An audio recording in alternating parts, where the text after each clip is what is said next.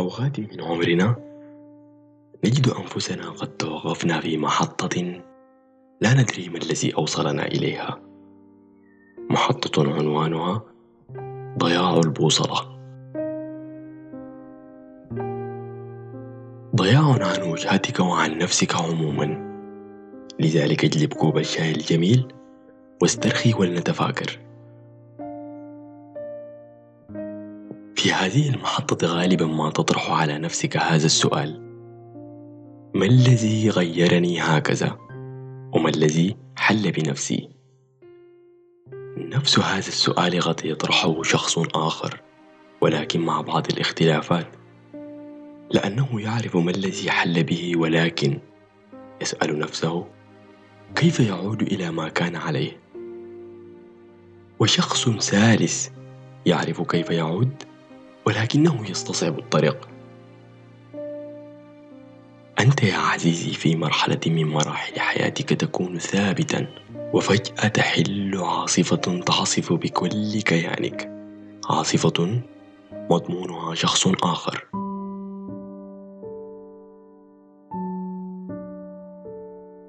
شخص يعجبك وتتمنى لفت انتباهه. ولكنك تظن أن شخصيتك وكيانك لا يعجبانه ولا يعنيان له شيئا. فتحاول جاهدا أن تتلون لأجل أن تجعل من نفسك نسخة. أجل نسخة من الشخص الذي يريد. وما بين هذا وذاك لا تدري كيف تعود. تصبح نسخة مشوهة عن شخص لا صلة لك به من قريب ولا من بعيد.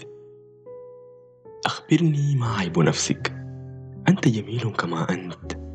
لا أقول أنك ملاك بلا عيوب. فجميعنا مشبعون بالعيوب. ولكن أتدري ما هو أعظم عيب فينا أو بالأحرى معضلة؟ أن الفرد منا يريد كل من حوله أن يصبح كما يريد هو. وينسى وينسى أنه هو بحد ذاته ممتلئ بكل عيوب الدنيا. لا تجعل من نفسك شخصا يتلون لأبسط وأتفه الأسباب. لا تكن كالمركب يحركه الهواء كيفما يشاء. لا تسمح لنفسك الجميلة أن تضيع وسط ضباب أدخله إليها شخص آخر.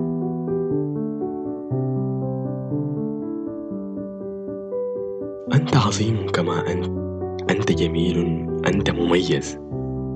إذا أردت أن تكتب إعجاب شخص ما دعه ينظر إلى داخلك ينظر إلى جوهرك إلى جوهرك الجميل. ولا تنسى أنك خسرت الكثير لتصبح ما أنت عليه اليوم. نفسك هذه التي كانت من قبل ممتلئة بالأشياء التي كانت مصدر حزن لك. لا تضف لها المزيد من الحزن والأذى.